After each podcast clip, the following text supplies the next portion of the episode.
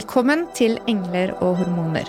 Inspirasjon og ny kunnskap om helse, selvutvikling og livsstil.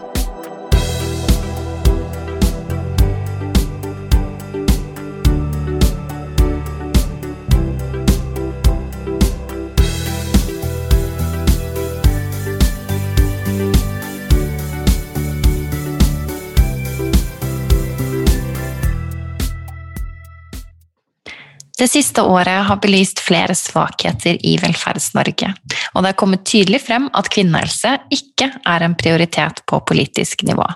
Kuttene i budsjett til fødeavdelingene, nedleggelse av fødeavdelinger i distriktene, redusert antall liggedøgn og mangelen på hele 2000 årsverk av helsesykepleiere rundt omkring i det ganske land er eksempler som taler for seg. Fagmiljøene og kvinnene selv synes å være enig i at det finnes brister i svangerskaps-, føde- og barselomsorgen i Norge. Det er fortsatt store kunnskapshull og manglende oppmerksomhet på flere områder innenfor kvinnehelse. Dette konkluderte Kilden kjønnsforskning med i 2018 etter Hva vet vi om kvinners helse? Dagens gjest denne uken er en av veldig mange som har måttet føde alene og kjent et presset støtteapparat når det gjelder fødsel og barselomsorg på kropp og syke. Vi ønsker et system der alt ligger til rette for at mor kjenner trygghet, og at hun er ivaretatt, sett og respektert under fødsel og i barseltid. Dette er en episode til støtte for alle medkvinner og under de viktige sakene Jeg føder ikke alene og barselopprøret. Med oss har vi Mathilde Pilskog. Hjertelig velkommen i studio, Mathilde. Tusen takk. Hvordan går det med deg nå? Jo, det går uh, greit. det går greit? Ja. Det går mye bedre uh, enn det gjorde for noen måneder siden. Så det har nesten hjulpet uh, å fortelle dette her og få satt ord på det. Så det er bra. For lytterne våre som ikke drar kjensel på navnet ditt med en gang, mm. kan du forklare litt mer om hvem du er, og hvorfor du er her akkurat i dag? Ja, jeg uh, Ja, jeg er fysioterapeut i Bonn. Uh, jeg jobber innen kvinnehelse uh, og revmatiske sykdommer. Og, og jeg er også gravid yogainstruktør og terapeutisk yogainstruktør og personlig trening, hvis man skal begynne å ramse opp alt. Jeg er jo her også av personlige årsaker, fordi jeg fortalte eh, for et par måneder siden om min fødselshistorie eh, på et innlegg på Facebook som da gikk viralt og ut i mediene. Um, og det var 'Jeg føder ikke alene'-hashtaggen. Uh, og det var et av de innleggene som førte til at uh, regjeringen begynte å se oss og faktisk uh, ja, fikk gjennom den hurtigtestingen av far. Eh, I hvert fall på papiret, som jeg har forstått. Så det var jo veldig positivt. Og i forbindelse med det så har jeg fått veldig mye gode tilbakemeldinger og negative tilbakemeldinger fra kvinner eh, som har opplevd lignende historier, og som er takknemlige for at jeg står fram. Eh, og også gravide som skal føde, som er takknemlige for at noen taler deres sak. Mm. Veldig viktig. Eh, og så er det jo du som har levd igjennom dette, Mathilde. Eh, så at du eh, også har den styrken til å komme frem og gjøre noe skal vi si positivt for, eh, for denne situasjonen. Når du i utgangspunktet hadde en ganske tøff opplevelse rundt det å få barn, det er jo veldig beundringsverdig, og det fortjener du masse skryt og heiarop for, syns jeg. Tusen takk. ja. Men uh, hvis vi spoler tilbake, da, i forhold til når du fødte, så var jo ikke det et par måneder siden. Nei. Det er jo i dag ett år siden du ble igangsatt. Ja, eh, denne fredagen eh, for ett år siden så ble jeg lagt inn på eh, Ullevål sykehus for igangsetting. Mhm. Så det er litt spesielt sammentreff at vi sitter her i dag og prater om det. Så det at det tok litt tid, det er heller kanskje ikke tilfeldig, fordi det som vi skal snakke om i dag, det er jo noe som er veldig stort, og som Mm. preget livet ditt i stor grad over lengre tid før vi kom hit til studio. Mm. Absolutt. Det tenker jeg jeg har hørt noen kommentarer fra politikere og sånn eh, helseledelser på at de kvinnene som føder nå, det er de som må si fra. Men eh, man har jo ikke kapasitet når man står midt oppi dette her til å kunne si fra. Eh, og jeg som føler meg ganske sterk på dette her, jeg brukte jo da nesten et år eh, på å si fra, og selv til venner og familie. Da jeg skrev det innlegget på Facebook, så var det ikke alle som visste fulle historien, så dette er jo ikke noe man orker egentlig å ta tak i. Eh, ja. For det er jo da flere ting som egentlig har spunnet ut ifra at du delte åpent um, på dette her med at far ikke fikk em, være med deg i fødsel. Em, og som jo gjelder mange kvinner. Men du har jo da nå kommet i kontakt med litt ulike politikere, og du har virkelig kjempet. Og vi må sammen fortsatt videre kjempe, men Mm. kan du ikke fortelle litt mer om hvordan den prosessen har vært? Jeg blir litt sånn nysgjerrig på det. Eh, Det rullet litt av seg selv. Altså, jeg har jo vært engasjert i kvinnehelse lenge, men jeg har ikke gjort så veldig mye utad. Jeg har snakket utad om eh, eh, forskning og eh, behandling i svangerskap for revmatikere eh, litt tidligere i år, eller i høst 2020. Var det ute i VG. Um, men jeg trodde aldri at jeg skulle begynne å snakke om min egen fødsel. Um, og så kjente jeg egentlig bare på at uh, det begynte å bli snakk i media om at eh, gravide fra ulike kommuner ble regnet som smittet før de fikk lov å komme inn på, eh, eller før de skulle føde. Så de fikk ikke lov å ha med seg partner og måtte bli isolert uten at de hadde tatt en positiv koronatest. Eh, og det begynte å bli snakk om at de skulle streng, eh, gjøre reglene strengere igjen.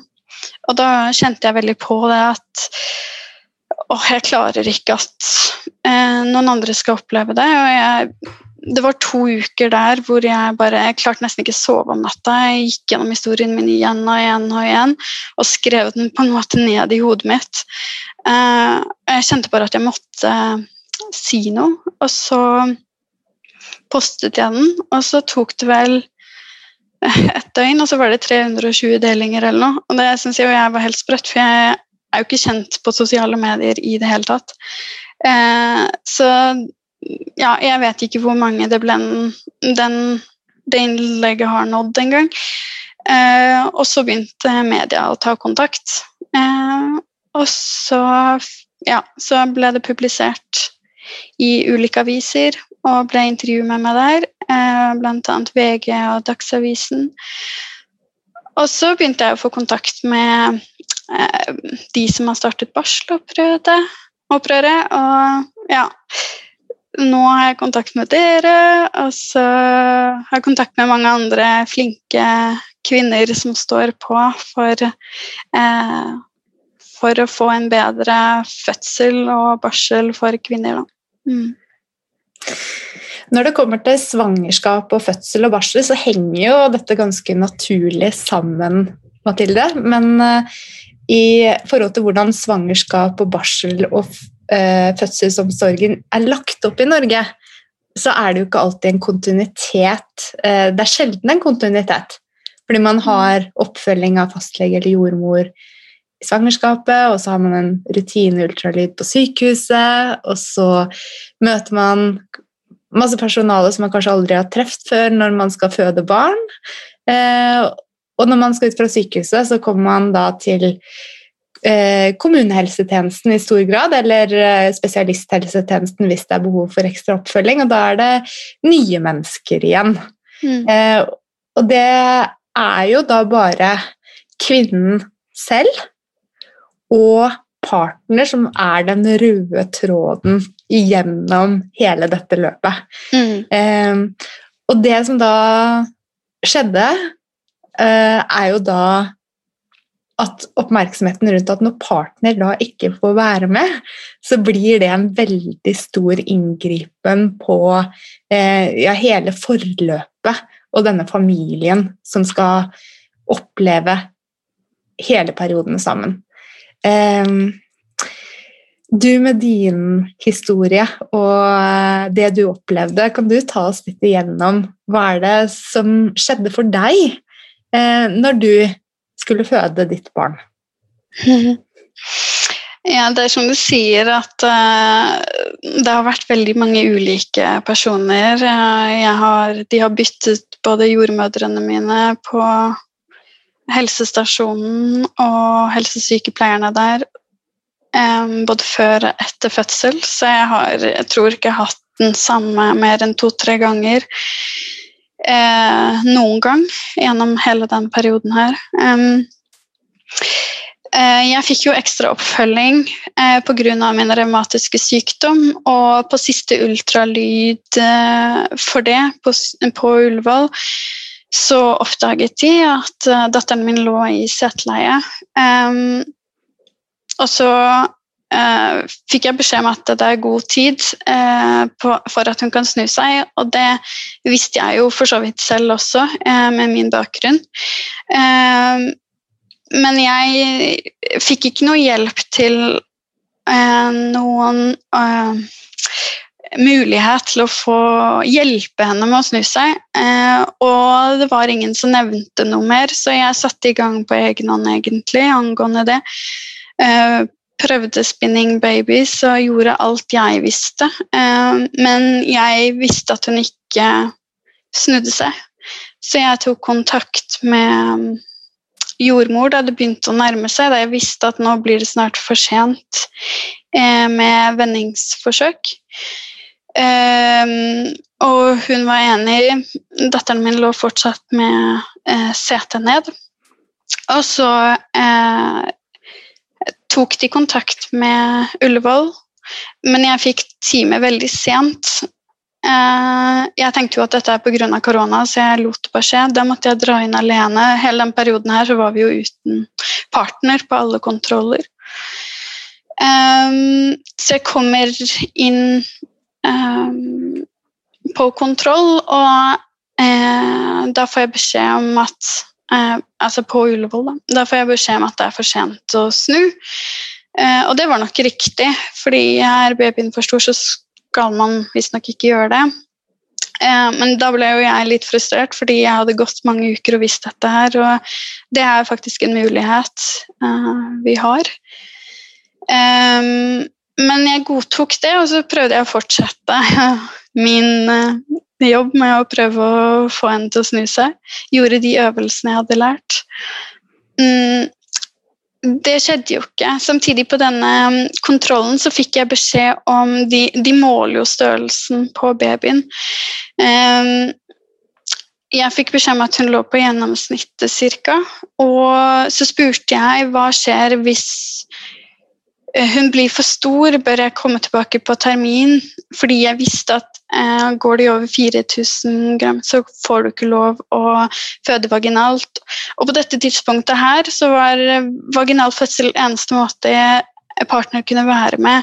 For partner fikk ikke lov å være med på keisersnitt, så jeg visste at hvis jeg velger keisersnitt, for det valget fikk jeg jo også på dette tidspunktet Hvis jeg velger med keisersnitt nå, så får ikke partneren min være med.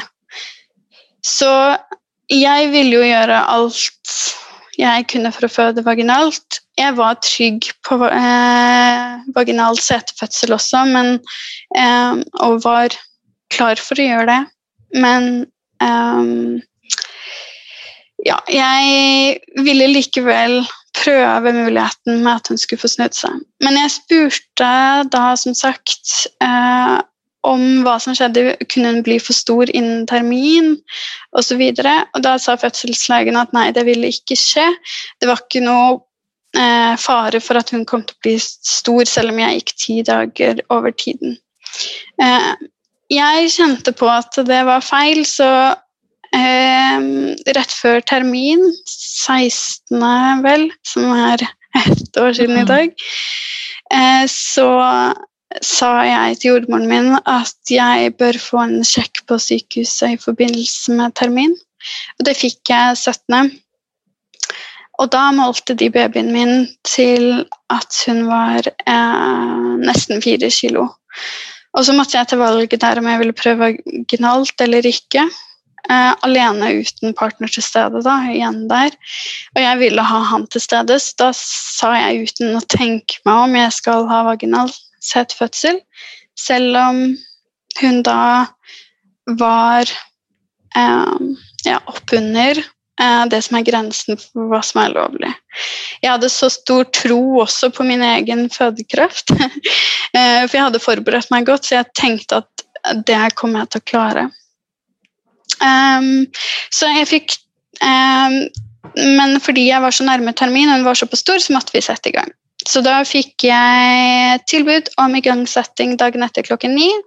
Og så eh, strippet de meg, altså tøyde eh, ja, Nå kan ikke jeg helt terminologien der, men de tøyde meg sånn at eh, fødselen sattes egentlig i gang allerede på den torsdagen. Eh, så jeg dro hjem og gjorde alle triksene i boka for å få kommet i gang med fødselen, for jeg ville ikke settes i gang. Jeg håpet at det skulle skje på egen hånd, og det tror jeg skjedde også. Um, for jeg kjente at murringene begynte, og egentlig så startet fødselen den torsdagen, tror jeg nå i ettertid. da.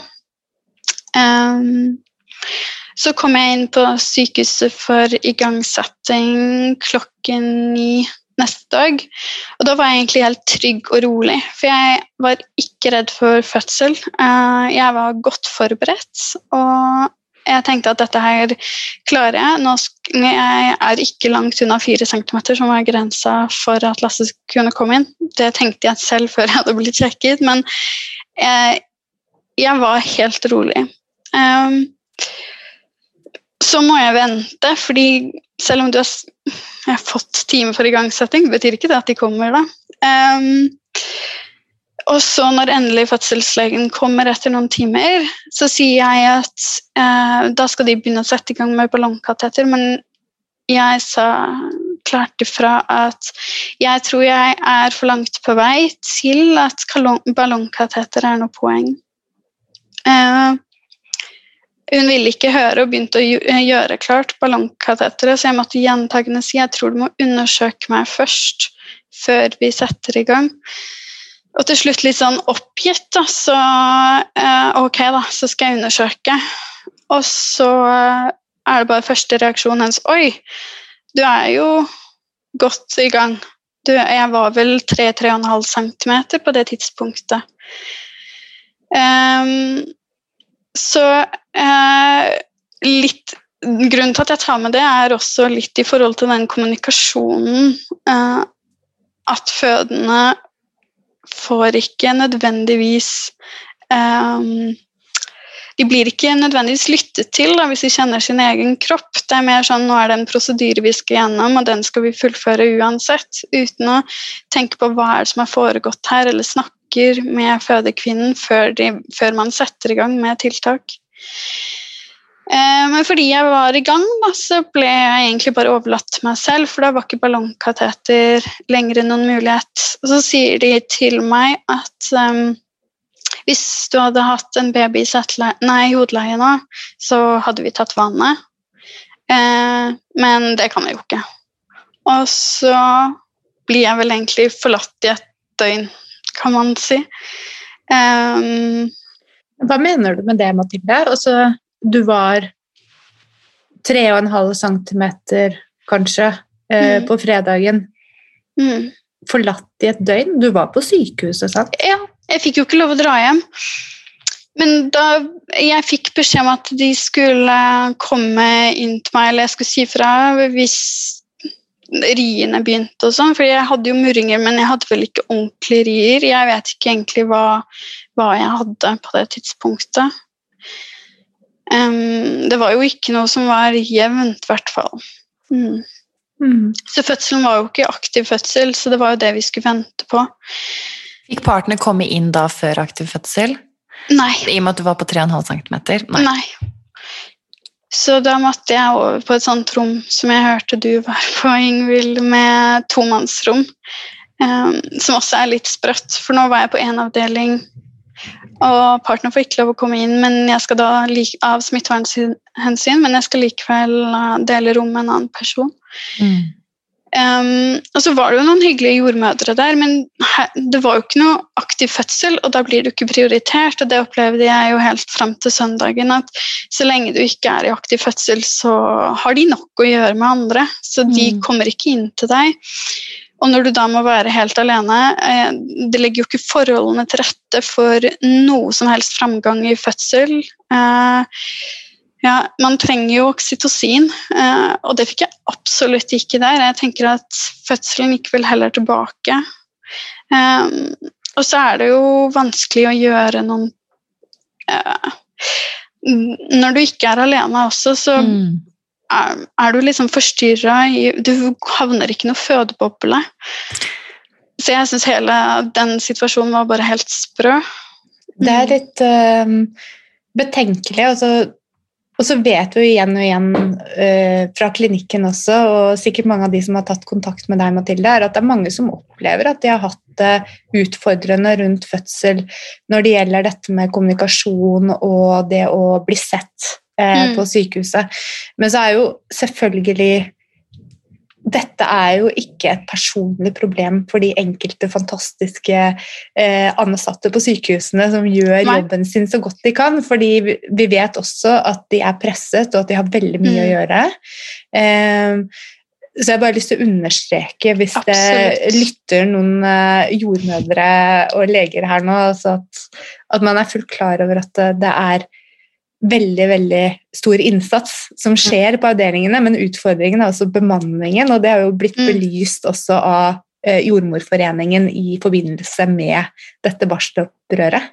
Ja, absolutt. Det vil jeg egentlig. Jeg har prøvd å være egentlig nøytral, sånn som innlegget mitt også, vært ganske nøytral på det. fordi jeg hadde, selv om jeg har kritikk på noen av de ansatte der, um, som vi kanskje kommer inn på senere, så er dette her systemet, det er prosedyrene og, eh, og reglene og bemanningen satt fra ledelsen og, og politisk. Eh, og jeg møtte mange fantastiske jordmødre. De jordmødrene som var innom det døgnet, var morsomme, spøkte. Eh, men de kom kanskje tre ganger. Jeg husker ikke mm. engang. Men de, de, er der jo inne i to minutter, og så går det igjen. Men de var veldig hyggelige, de to minuttene, så det handler ikke om det. Men eh, å ligge sånn alene i 24 timer, så et par minutter her og der, det Det Uh, det skaper det ikke den tryggheten, nei, da. ikke sant? Og det erstatter ikke en partner, i hvert fall. Altså, ikke sant?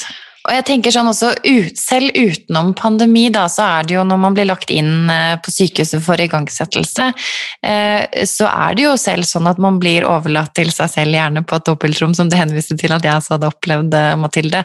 Mm. Og ja, det der å Det blir vanskelig da å komme inn i denne fødeboblen og kjenne en trygghet og en ro. Og for frykten, samme egentlig nesten hvor forberedt man er, så kommer den litt snikende. Sammen med mørket og sammen med, eh, med smertene som gjerne tiltar om natten også. Mm. Uh, så jeg husker veldig godt at jeg gikk i glassgangen uh, på Ahus og hang over og så utover, og det var liksom der jeg klarte å finne en viss ro. Uh, ikke inne på, inne på, dette dobbeltrommet. Men man blir redd, ikke sant? For man blir redd for å skulle vekke den som eventuelt sover ved siden av, eller være til bry. Man blir redd for å være til bry overfor overfor personalet også som er der. Jeg vet ikke hvor mange ganger ekstra du dro i denne, denne snora jeg dro aldri, tror jeg. Nei, ikke sant? Mm. Og det er vel det som jeg tror ja, det var det jeg merket, at jeg gikk inn med Jeg var rolig og sterk, og etter hvert som timene gikk, så ble jeg bare mer og mer svak, kan man Mm. si. Um, og det merket jeg også når de kom inn dagen etterpå, så var jeg nesten klar for å si ja til hva som helst. Og det var jo ikke sånn jeg tenkte når jeg gikk inn, og ikke sånn som jeg tenkte at jeg ville vært. Altså, jeg var forberedt, veldig godt forberedt. Um, hadde lest masse bøker, og jeg kunne mye om fødsel. Uh, og allikevel så mistet jeg helt den altså, styrken til å si fra hva jeg ønsket. Også fordi at jeg ikke fikk noen eh, kan man si, jordmor som fulgte meg. Så jeg hadde jo skrevet et langt fødebrev, men jeg fikk jo aldri gitt det til noen, fordi jeg visste ikke hvem er det av alle disse menneskene er det jeg skal gi det til. Så mm. Ja, og det er jo også noe som mange kan undre seg over selv i en vanlig tid. Hvem er det Mm. man egentlig overleverer dette fødebrevet til? Mm. Hvem er det som egentlig har ansvaret for meg? Eller hvem er det som skal være der og, og støtte meg, ikke sant? Hvis det er eh, en lengre tid på sykehuset før fødselen er ordentlig i gang. Mm. Så vi har jo noen, noen eh, andre land i Europa som er gode på å ha denne kontinuiteten i oppfølgingen. Eh, og det viser jo at det er mulig. Det er Mm. mulig å ha noen personer som man forholder seg til gjennom hele forløpet. Og forskningen og alt tilsier jo at det gir en, en større trygghet og en økt tilfredshet blant kvinnene. Mm. Ja, jeg har tenkt veldig på det. Både Sverige, eh, Nederland Hvilket annet land var det? England. England Mm. har dette, og det, den muligheten å kunne bli fulgt opp av de samme personene som kjenner deg, da, da trenger du kanskje ikke det fødebrevet engang, fordi de kjenner deg, de vet hva det er du har av ønsker, de vet at du er eksempel sånn som i mitt tilfelle, at jeg var forberedt, at eh, de kunne spilt på mine sterke sider i forhold til det, da. Ehm, de vet hva de skal legge til rette for. De kan også vite da, i forhold til hvis det er en som har stor frykt for fødsel, vil jeg tenke at det, det må være en trygghet å ha noen som vet det, som følger deg opp, og som støtter deg underveis. Så um, alle mulige perspektiver rundt det tror jeg egentlig er veldig riktig. Vi har jo sånn som Ullevål Team, da, som faktisk er et fantastisk team. Og jeg tenker at sånn som de legger det opp der med eh, samtaler under svangerskapet og forberedelse til fødsel og tilrettelegging også gjerne på barselavdeling, at det burde vært normen for hvordan enhver kvinne egentlig Mm. blir møtt. Da. Ikke sant? At ikke det eh, Ja, dessverre så er ikke det en, en realitet, nettopp fordi at systemet er såpass presset som det er. Mm. Nei, de ser jo det I Nederland så får de bl.a. jordmor som kommer hjem til deg når, du, når fødselen er i gang, sånn at du kan eh, ta avgjørelsen der eh, hva man skal gjøre, at du får faglig eh, begrunnelse for om det er riktig tid å dra inn til sykehus, eller om man skal vente litt, f.eks. Uh, og det ser jo jeg også, hørt mange historier fra tidligere, fra venninner og pasienter og alt mulig, at de har ringt inn, og så har de fått beskjed om at Nei, du er ikke i gang! du er ikke i gang. Ja, absolutt. Du har hørt den, du òg. Og så, og så ender det med styrtfødsler og fødsler omtrent i resepsjonen. Og det har vært ganske dramatiske hendelser som har fått store konsekvenser i ettertid, og hvor det har blitt akutt eller katastrofe keisersnitt. Og den derre For det første at fødende liksom ikke blir gitt den tilliten til at de kjenner på sin egen kropp eh, hvor langt i fødselen de er, eller at de trenger hjelp. Eh, og- at de tar sjansen på, på det, og ikke at eh, de får kommet inn og fått en ordentlig undersøkelse. Det syns jeg også er en mangel. Eh, og det ville man jo definitivt fikset med denne ordningen, da.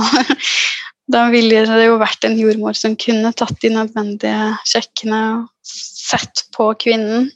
Mm. Men uh, for å være litt djevelens advokat her, da. Mm. Uh, fordi um, jeg er helt enig med deg, Mathilde. Og vi står jo i mange av disse historiene til daglig faktisk på klinikken. Uh, og, det, og, de er det mange av. Mm. Men Norge er jo et av Norges, verdens tryggeste land å føde i. Vi har en raus permisjonsordning, vi har fantastiske fasiliteter, god hygiene, eh, kunnskap. Eh, så når man kommer frem med denne type historier, mm. så kan det bli nettopp sånn som du nevnte for oss når vi snakket om denne episoden, at det oppleves litt sånn Nettopp klaging, da, eller litt sånn puslete. Fordi at man er kvinne og står der alene og forteller om denne opplevelsen, men vi har ikke vi har kanskje ikke de tallene som beskriver hvor vanlig dette er, eller hvor mange som føler på det samme. Eh, og som du sier også, kanskje månedsvis etterpå, etterpå at man er klar for å snakke om det. Eh, hvem er der da for å ta imot at dette var din fødehistorie, og ta den videre til sykehus og politikere og de som er med på å bestemme hvordan dette organiseres. Mm. Det blir liksom vannet ut, og så er det en ny gjeng av kvinner som føder neste år, og så skjer litt det samme igjen, og så sklir det ut igjen, og så, mm. og så fortsetter vi og fortsetter vi.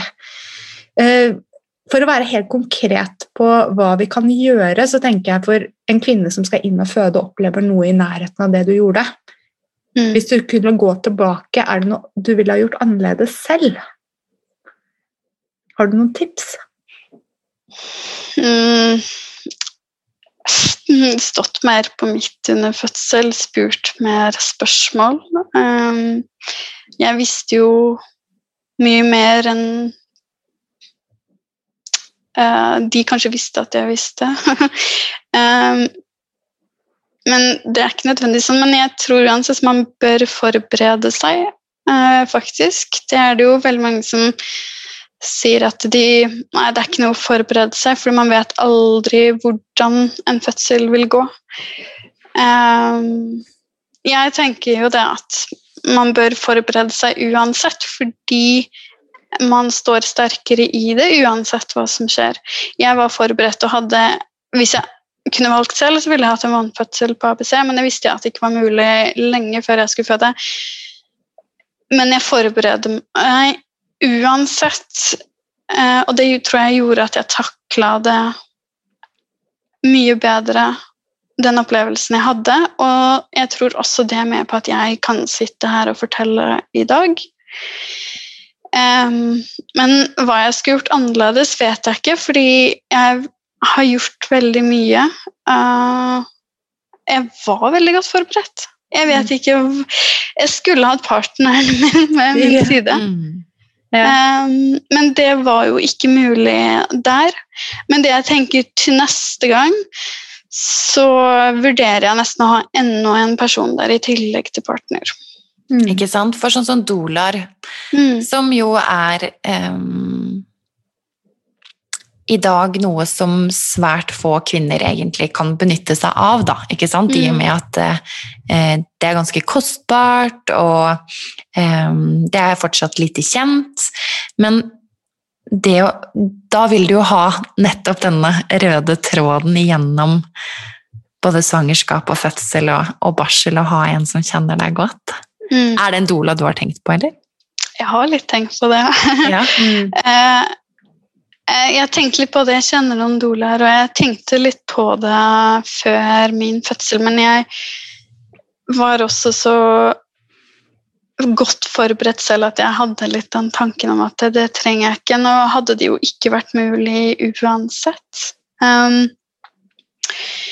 men jeg tenker noen som kan stå opp for deg, som vet hva du ønsker deg. Eh, for selv om nå har vi jo ikke kommet nesten inn på selve fødselen engang. Men det skjer, eh, skjedde mye underveis i fødselen hvor jeg ikke fikk sjanse til å si hva jeg ønsket. eh, av ulike grunner. Og eh, kjæresten min var en fantastisk støtte, men han hadde ikke satt seg inn i fødsel på samme nivå, så han kunne ikke ta De timene han var inne, da, så kunne han ikke ta min side. Men Mathilde, eh, når du hadde ligget på dette tomannsrommet et døgn, Mm. eh, så ble jeg så veldig nysgjerrig på Ble du undersøkt underveis, og når er det ting som begynte å skje igjen? Hvis de gjorde det? Nei, det var det. Det skjedde ingenting. Eh, Jeg ble heller ikke undersøkt. Um, så jeg venta vel egentlig, og så fikk jeg beskjed om at eh, det var en fødselslege som skulle undersøke meg eh, neste dag. Um, og så, så neste morgen så blir jeg overført til et mottaksrom på selve fødeavdelingen. Eh, og det her kommer til å være til fødselen starter ordentlig, så det var enda et døgn her. Um, og eh, det var egentlig Selv om jeg ikke likte å være alene på tomannsrom, så var dette enda mer forferdelig, for det var et lite mottaksrom. Jeg, bare, jeg har bare en erindring av at det var helt grått. Men da gjorde de en undersøkelse på meg, og eh, jeg var ikke kommet noe lenger på vei, så sier de og det her jeg også tenker at kommunikasjon har litt å si, fordi de sa til meg ja, da skal vi begynne på sånn modningspiller. Men det vil jo ikke ha noe å si på deg, for du er jo egentlig for langt. Så jeg fikk liksom en, et inntrykk, og da hadde en annen jordmor sagt til meg at det var stappfullt på Ullevål, Riksen, Ahus, og at folk ble sendt til Hønefoss og sånn. Det hadde jeg fått høre, så jeg visste på en måte at det var eh, sprengt kapasitet, og at jeg krevde mye, fordi jeg, en settefødsel krever høyt personell. Så jeg fikk nesten inntrykk av at de bare gjorde noe for å gjøre noe. Men så hadde jeg et lite håp om at jeg skulle sette i gang noe, for på dette tidspunktet så var jeg lei av å ligge der, og jeg ville ha kjæresten min inn. Så jeg tenkte hvis, jeg, hvis dette gjør at jeg bikker fire centimeter, så er jeg i hvert fall ikke alene. Så da begynte jeg med de pillene, eh, og jeg fikk vel dobbel dose eller noe sånt nå. Eh, Men de stoppet aldri, selv om det aldri skjedde noe mer. Så bare fortsatte de og fortsatte de og fortsatte de å gi det til meg. Og de undersøkte, og det satte jo ikke i gang noen rier eller noen ting. Det var et tilløp til kanskje noe mer rier midt på natta, men ikke noe mer enn det. Uh, og I mellomtida satt jeg på en liten, eller på en fødeball. Det fikk jeg, da. Jeg følte da nå ville jeg sette i gang, så jeg prøvde liksom å sette i gang min egen fødsel på en måte.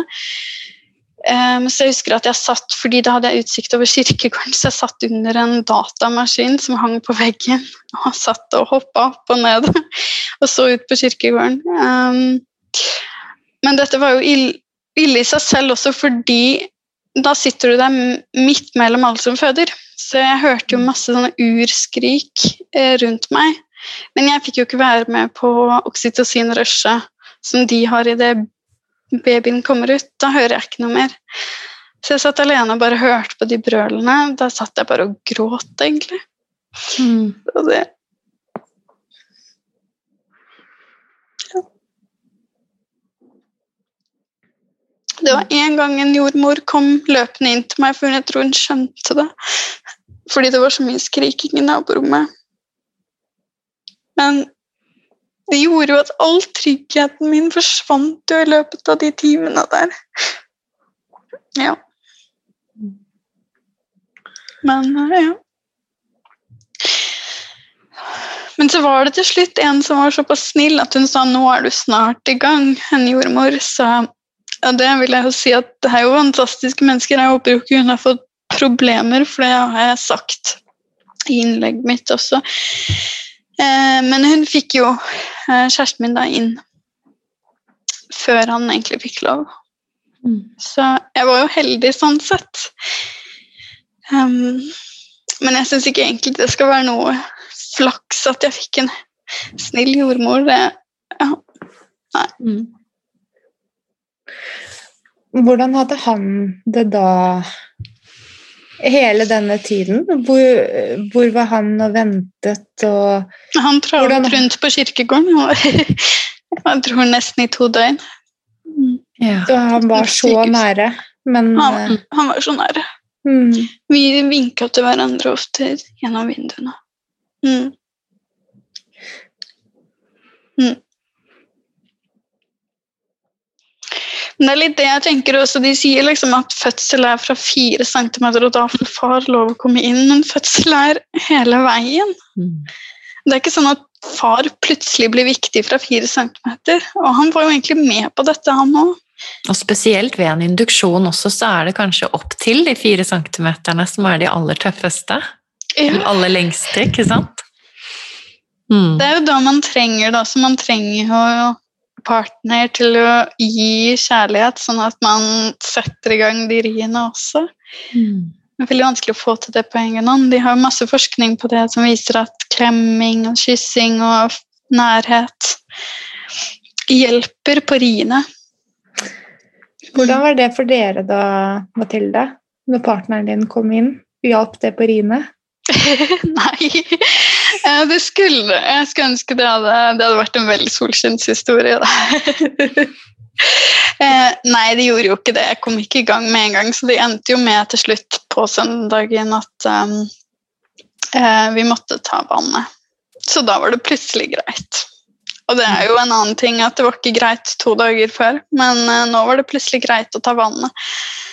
Og på samme jeg... tid så var det roligere på fødestua, så eh, jeg vet jeg kan ikke si hva det var de hadde av avgjørelser der, men eh, ja. Nei, for man blir jo nysgjerrig på om det hva faglig vurdering som ligger bak der. Jeg er ikke jordmor, så Nei. jeg kjenner ikke til prosedyrene. Men uh, opplevde du det som eh, som et tankekors sånn i ettertid? At noe ble gjort på søndag som var vurdert å bli gjort på fredag? Jeg reagerte vel egentlig litt der og da, men var, da var jeg så glad for at det endelig skulle skje noe, at igjen så bare lot jeg Altså, de kunne jo sagt nesten hva som helst på det tidspunktet. Um, men eh, det var nok riktig. Det som var, det var at da kom jo han fødselslegen som jeg hadde hatt på undersøkelsene, inn. Og det også ga meg en veldig stor trygghet, egentlig. Sånn selv om Jeg vet ikke, alle de andre fødselslegene også var flinke, og sånn, men da fikk jeg plutselig inn en i rommet som jeg kjente. Mm. Og det var jo Da følte jeg meg mer trygg, så igjen tilbake til det med kontinuitet og sånn. Um, og det samme hadde jeg. Det var noen eh, en jordmor og en jordmorstudent som var innom meg på lørdagen, og de kom også tilbake på søndagen, og det også eh, de, de hadde bare én time med meg første dagene, men bare det å se samme ansikt en gang til i, Mm. hjalp veldig. Mm. Det er jo noe med kommunikasjon og prosedyrer også i den delen av historien din. Eh, Hvordan man som fødekvinne også er en pasient med eh, rettigheter for å få informasjon og være med på å ta avgjørelser som gjelder egen kropp ut ifra å få den informasjonen, da. Mm. Um, hvordan, eh, hvordan opplevde du det i dette løpet? For frem til nå så har det jo det har vært ganske rolig, så det har vært tid til å kommunisere med deg ikke sant? Om, om situasjon og valg frem til nå. Mm. Men allikevel så fikk jeg ikke så mye informasjon om hvert steg eller hva som kom til å skje. For visste du her at det var 50 sjanse for, for Keisersnitt. keisersnitt? Mm. Ikke sant? Det hele veien. Men det hadde du da ikke fått noen særlig informasjon om. Kan vi ikke komme litt mer eh, inn på akkurat eh, det, Mathilde, hvis du føler at det er et riktig steg videre å gå? Ja. Ja, det er nok det. Altså, de snakket jo med meg på det møtet hvor jeg kunne bestemme meg for planlagt keisersnitt eller vaginal fødsel, så eh, nevnte vi det jo litt keisersnitt. Mm, men de gikk jo ikke inn på det i detalj, eller Og jeg tenker i samme jeg, jeg, kunne nok trengt mer informasjon, for jeg hadde forberedt meg veldig, men jeg hadde forberedt meg veldig på vaginalfødsel. Jeg hadde skrevet opp hva jeg ville skulle skje eh, hvis det ble keisersnitt. Um, men jeg hadde nok ikke studert det i, like, uh, i samme dybde som resten. Og så visste jo ikke kjæresten min hva som skulle skje, uh, så han fikk jo ikke noe informasjon heller. Uh, og jeg visste jo ikke hva som kom til å skje, for jeg fikk høre at jeg skulle ha epidural uansett i tilfelle keisersnitt. men jeg fikk ikke beskjed om hva som skulle skje hvis den epiduralen ikke fungerte. Det, og det gjorde den ikke hos meg. Eh, og dermed ble jo situasjonen helt annerledes også pga. korona. Oppi det hele at partner ikke var til stede. Så det Ja, jeg syns ikke jeg fikk god nok informasjon.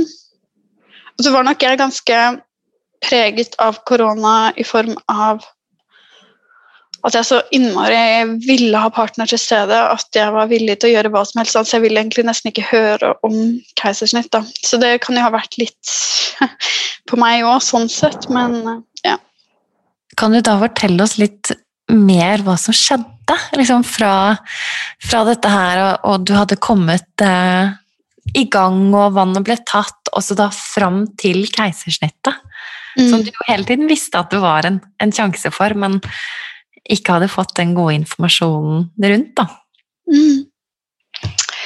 Uh, dette her er egentlig den beste delen av fødselen min på, på mange måter. Um, selv om det, det, er blitt Jeg var nok i en litt sånn fødeboble, så uh, Konkret så vet jeg ikke alt som skjedde. Uh, men jeg vannet gikk, og så fikk jeg drypp med oksytocin. Jeg er usikker på om det heter noe annet, men i hvert fall det dryppet som skal sette i gang riene. Eh, jeg er usikker på om riene begynte før jeg fikk det dryppet eller eh, ikke. Det aner jeg ikke. Eh, men riene begynte, og jeg fikk ganske sterke rier. Og det er noe jeg også i ettertid tenker på at jeg ikke visste. At um, når man får sånn drypp, så kan man få ganske sånn stormrier eller uten pauser. Eh, jeg mener i hvert fall at det ikke var noen pauser. Um, men på det tidspunktet her så var jeg så fornøyd med det at uh, jeg bare kjørte på og gjorde mitt. Fikk kjempegod støtte fra kjæresten min. Og jeg fikk lov på tross av masse ledninger, fordi det var helt forferdelig å ligge i senga. Det orka jeg ikke. Så jeg fikk lov å sitte på en sånn fødeball. Og satt og vugget og sirkler og eh, Jeg hadde jo forberedt meg godt med hypnobirthing på forhånd, som jeg prøvde å gjøre underveis fram til nå, men det fungerte ikke så godt. Eh, men nå så fungerte det veldig godt, så jeg hadde sånne affirmasjoner som jeg sa til meg selv under hver ri, ja, som egentlig var nesten hele tiden. Um, og jeg si, må, må, si det at jeg syns jeg jobba ganske godt. Og hun ene jordmoren hadde sagt til Lasse at hadde det vært hodefødsel, så hadde jeg født på den ettermiddagen. Mm. På søndag ettermiddag. Uh, uten at jeg vet det, for da blokka jeg det meste annet ut. Bortsett fra at jeg hele tiden holdt kjæresten min i henda og fikk den nærheten som jeg trengte Eh, og så fikk jeg jo epidural etter hvert, som jeg syns fungerte veldig godt. Men jeg er veldig usikker på om det egentlig fungerte godt, eller om det var hva det var, fordi den fungerte jo ikke senere. Men eh, uh, det var en lettelse egentlig å få.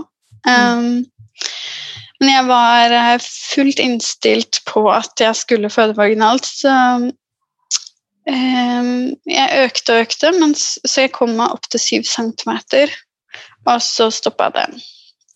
Eh, det var ganske mange timer, dette her, men for meg så føles det egentlig ganske kort. Jeg vet ikke eh, Når jeg ser tilbake til det i ettertid, så tenker jeg at jeg orket, men um, det er liksom min fine del av fødselen, for jeg fikk liksom oppleve det å føde, så det er egentlig ganske Altså, selv om jeg ikke fødte fødte, så var det uh, en mestringsfølelse, egentlig, å takle det. Mm. Um, og jeg følte at jeg fikk brukt alt det jeg hadde forberedt meg på. Jeg kjente på samarbeid med kjæresten min, som jeg har nevnt. Og jordmødrene var fantastiske i denne fasen. Uh, de var der hele tiden og støttet meg. Um, så Og det vil jeg jo også si i form av det med det du sa, Mona, også om at Norge er verdens tryggeste land å føde i.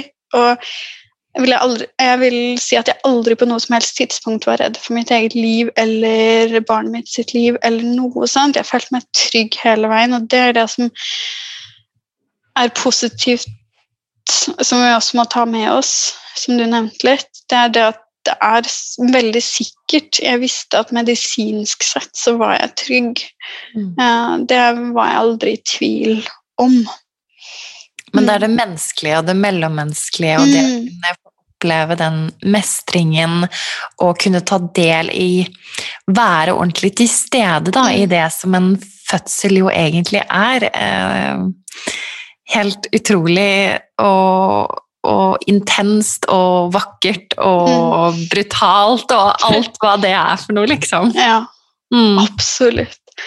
Så jeg tenker sånn, De timene ettertid så har jeg også tenkt at de timene med aktiv fødsel gjorde opp for alt andre på mange måter. Eh, så jeg er veldig glad for at jeg fikk den sjansen. Jeg kunne godt tenkt meg at den var på fredagen og ikke søndagen, sånn sett, men eh, jeg er veldig glad for at jeg fikk muligheten til det. Mm. Og så, da, når det stoppet opp, og det ikke gikk de barnet hva, hva er det han eller hun heter? Forresten? Hun heter Elise. Så når Elise da ikke kom lenger ned i fødselskanalen og mm. Ja. Vil du, vil du, fortelle videre her? Eh, ja eh, Det stoppet jo på 7 cm, og hun kom seg ikke ned i fødselskanalen. Så hun var ikke i nærheten, så vi måtte de tok en avgjørelse på, eller de spurte nå er det vel tid for keisersnitt, og da sa jeg bare ja, for jeg skjønte det. Da hadde jeg jobba ræva av meg, bokstavelig talt. Eh, så jeg tenkte at nå, det her er greit for min del. Eh, men samtidig, idet jeg tenker den tanken, så får jeg panikk, fordi da skjønner jeg ok, men jeg må jo gjennom det alene. Mm. Og da gikk det så fort, uh, fordi i det du sier ja, så kommer det jo et team inn, og de begynner å barbere deg, gjøre deg klar og eh, Ja, så jeg fikk ikke sagt ordentlig ha det til kjæresten min. Jeg tror nok jeg var litt hysterisk av den tanken på at nå skulle vi forlate hverandre. Så det ble på en måte ikke en rolig farvel, eller hva man skal si. Så jeg gråt jo så innmari. Um, og så fikk Lasse beskjed om at han kunne stå ved heisen når vi var ferdig, mm. for å møte datteren vår. Uh, jeg har senere skjønt at jeg skulle være inkludert i det, tror jeg. Jeg er ikke sikker. Jeg vet egentlig ikke om det var med meg eller ikke, men han skulle i hvert fall få lov til det. Uh, men jeg tenker det er helt sykt i seg selv å liksom møte datteren sin for første gang med en heis. Men, mm. um, så ble jeg bare trillet ut og inn på operasjonssalen. Uh, og da var jeg så tett, husker jeg, så jeg var bekymra for at jeg skulle puste, for jeg gråt så mye. Jeg lå jo nede. Og så Eh, begynner de å, jeg binder meg fast, eller hva det er de gjør med armen og sånn, og så tester de, og så sier de sånn 'Kjenner du dette?' Og så sier jeg ja. Og så får jeg litt sånn følelse av at de ikke helt tror på meg. Fordi jeg har jo epidural, jeg skal ikke kjenne det. Og så sier jeg, men jeg kjenner det, det hadde jo ikke tullet om dette. Og så vet jeg ikke egentlig hva som skjer, og så kommer det en maske. Men da er det jo ingen som har diskutert med meg hva som skulle skje med Elise, eller mm. Jeg ville jo ha klippe navlesnoren sent og ville ha henne på brystet. og jeg hadde ikke sett for meg muligheten til at jeg skulle være i narkose. Jeg trodde jeg kunne få lov å være med på det. Så det gikk litt fort for meg når det har gått så tregt, helt alt sammen. Og så går det så fort på slutten. Um, og så blir hun født, og så er hun altfor stor. så hun var jo mye større enn det som var lovlig for settfødsel, så sånn sett var det kanskje greit. Hun var 4160 gram. Um, men hun er frisk, det er jo det positive med det hele. Så det gikk bra med henne. Uh, og så får, er de snille igjen, så Lasse får en liten tid med henne. Han får være med på at de uh, veier og måler henne. Um, så er hun visstnok innom meg på oppvåkning, men det har ikke jeg noe erindring av, fordi jeg var helt borte vekk. Og så Dette var 3.47 var det hun ble født, da, på natta.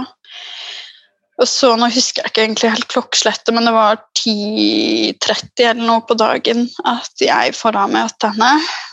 Og det er jo en annen ting oppi det hele her, at da har hun vært alene. Ikke helt alene, selvfølgelig, jeg vet at hun har vært med barnepleie, men ikke vært med omsorgspersoner mm. Fram til dette. Og det syns jeg igjen eh, Barn har rett på pårørende til stede. Så her er det ikke Føler jeg at koronatiltakene har gått litt langt, for det skal ikke gå utover nyfødte barn. Mm. etter min mening. Mm. Tror jeg vi kan være helt enige egentlig alle sammen. Mm. mm. Ja. Vil du fortelle litt mer om møtet da 10.30 påfølgende morgen, og, og, du får se Elise første gang? ja, det var jo helt fantastisk. Det var det. Uh, det er jo helt ubeskrivelig. Men samtidig så Jeg tror jeg var så sliten og i sjokk at jeg klarte ikke føle den der fullstendige lykkefølelsen. Dessverre. Um, det tror jeg ikke jeg gjorde hele tida mens jeg var på sykehuset. Mm. Fint at du deler det, og er åpen om det, for det er jo vanskelig. Og det er um ikke sant? Tungt, ikke sant? For det er jo ikke, det, det er ikke sånn man tenker at det kan være. Mm. Men det er du ikke alene om. Det er det jo mange som kan kjenne på. Ja. Mm. Mm. Det har jeg jo skjønt òg. Men jeg, jeg, skulle gjerne hatt den der første følelsen av å få inn på brystet og være til stede, ordentlig til stede, og kunne dele det med pappaen. Mm. Mm. Så når vi er her, da, Mathilde, så har du fått babyen din på brystet, og du er igjennom en fødsel. Og det er slik som du beskriver det, så var det en del av det der du fikk ha med partneren din, som var positiv i opplevelsen. Og, og når noe vi skal illustrere med dette, så er det jo nettopp det betydningen av at partner skal få være til stede i det som er en felles fødsel. Eh, og vi skal komme videre og tilbake med hvordan dere hadde det etterpå. Eh, men eh, for de som da reagerer på at dette er en sterk historie, og som kanskje blir litt skremt i møte med egen forestående fødsel, har du noen tanker om hva vi kan si til disse kvinnene? Mm, jeg vil bare si at jeg forstår det, fordi eh, før jeg selv skulle føde, så var jeg egentlig ganske imot negative fødehistorier. Jeg ville bare høre de positive. Eh, og jeg tenker at de positive har stor plass i dette her. Men vi må også sørge for at de som skal føde, får en så god fødeopplevelse som mulig. Og da må vi kanskje ha noen historier som illustrerer ting som kunne vært bedre. Eh, så derfor så blir det også viktig å snakke høyt om det. Um, men um, jeg, jeg, tenker det Til de som skal føde, så vil jeg tenke at det er fint å ta eierskap til fødselen sin, uh, og at man kan forberede seg uh, og få mer kunnskap. Det er nå mye tilbud der ute, som dere har snakket om i tidligere episoder også, som kan være med på å forberede, sånn at man får en så positiv opplevelse som mulig uansett utfall. Eh, for jeg hadde det veldig mange har sagt meg, en rystende fødselshistorie. Men jeg tror jeg klarte meg godt fordi jeg var forberedt, og det har gjort at jeg antageligvis ikke fikk noe fødselsdepresjon i etterkant, vil jeg tenke. Mm. Og det er mye materie å ta av, um, så vi har jo valgt å egentlig dele denne episoden, mm. eller din historie, i to deler. Og nå har vi fått gleden av å følge deg fram til du har fått uh, hilse på datteren din for aller mm. første gang. Og så i neste del så blir vi kjent med veien videre og på barsel, og når dere kommer hjem. Mm -hmm. mm. Tusen hjertelig takk for at uh, du har delt så raust og tatt oss med på din historie, Mathilde. Ja, tusen takk for at dere vil lytte. mm.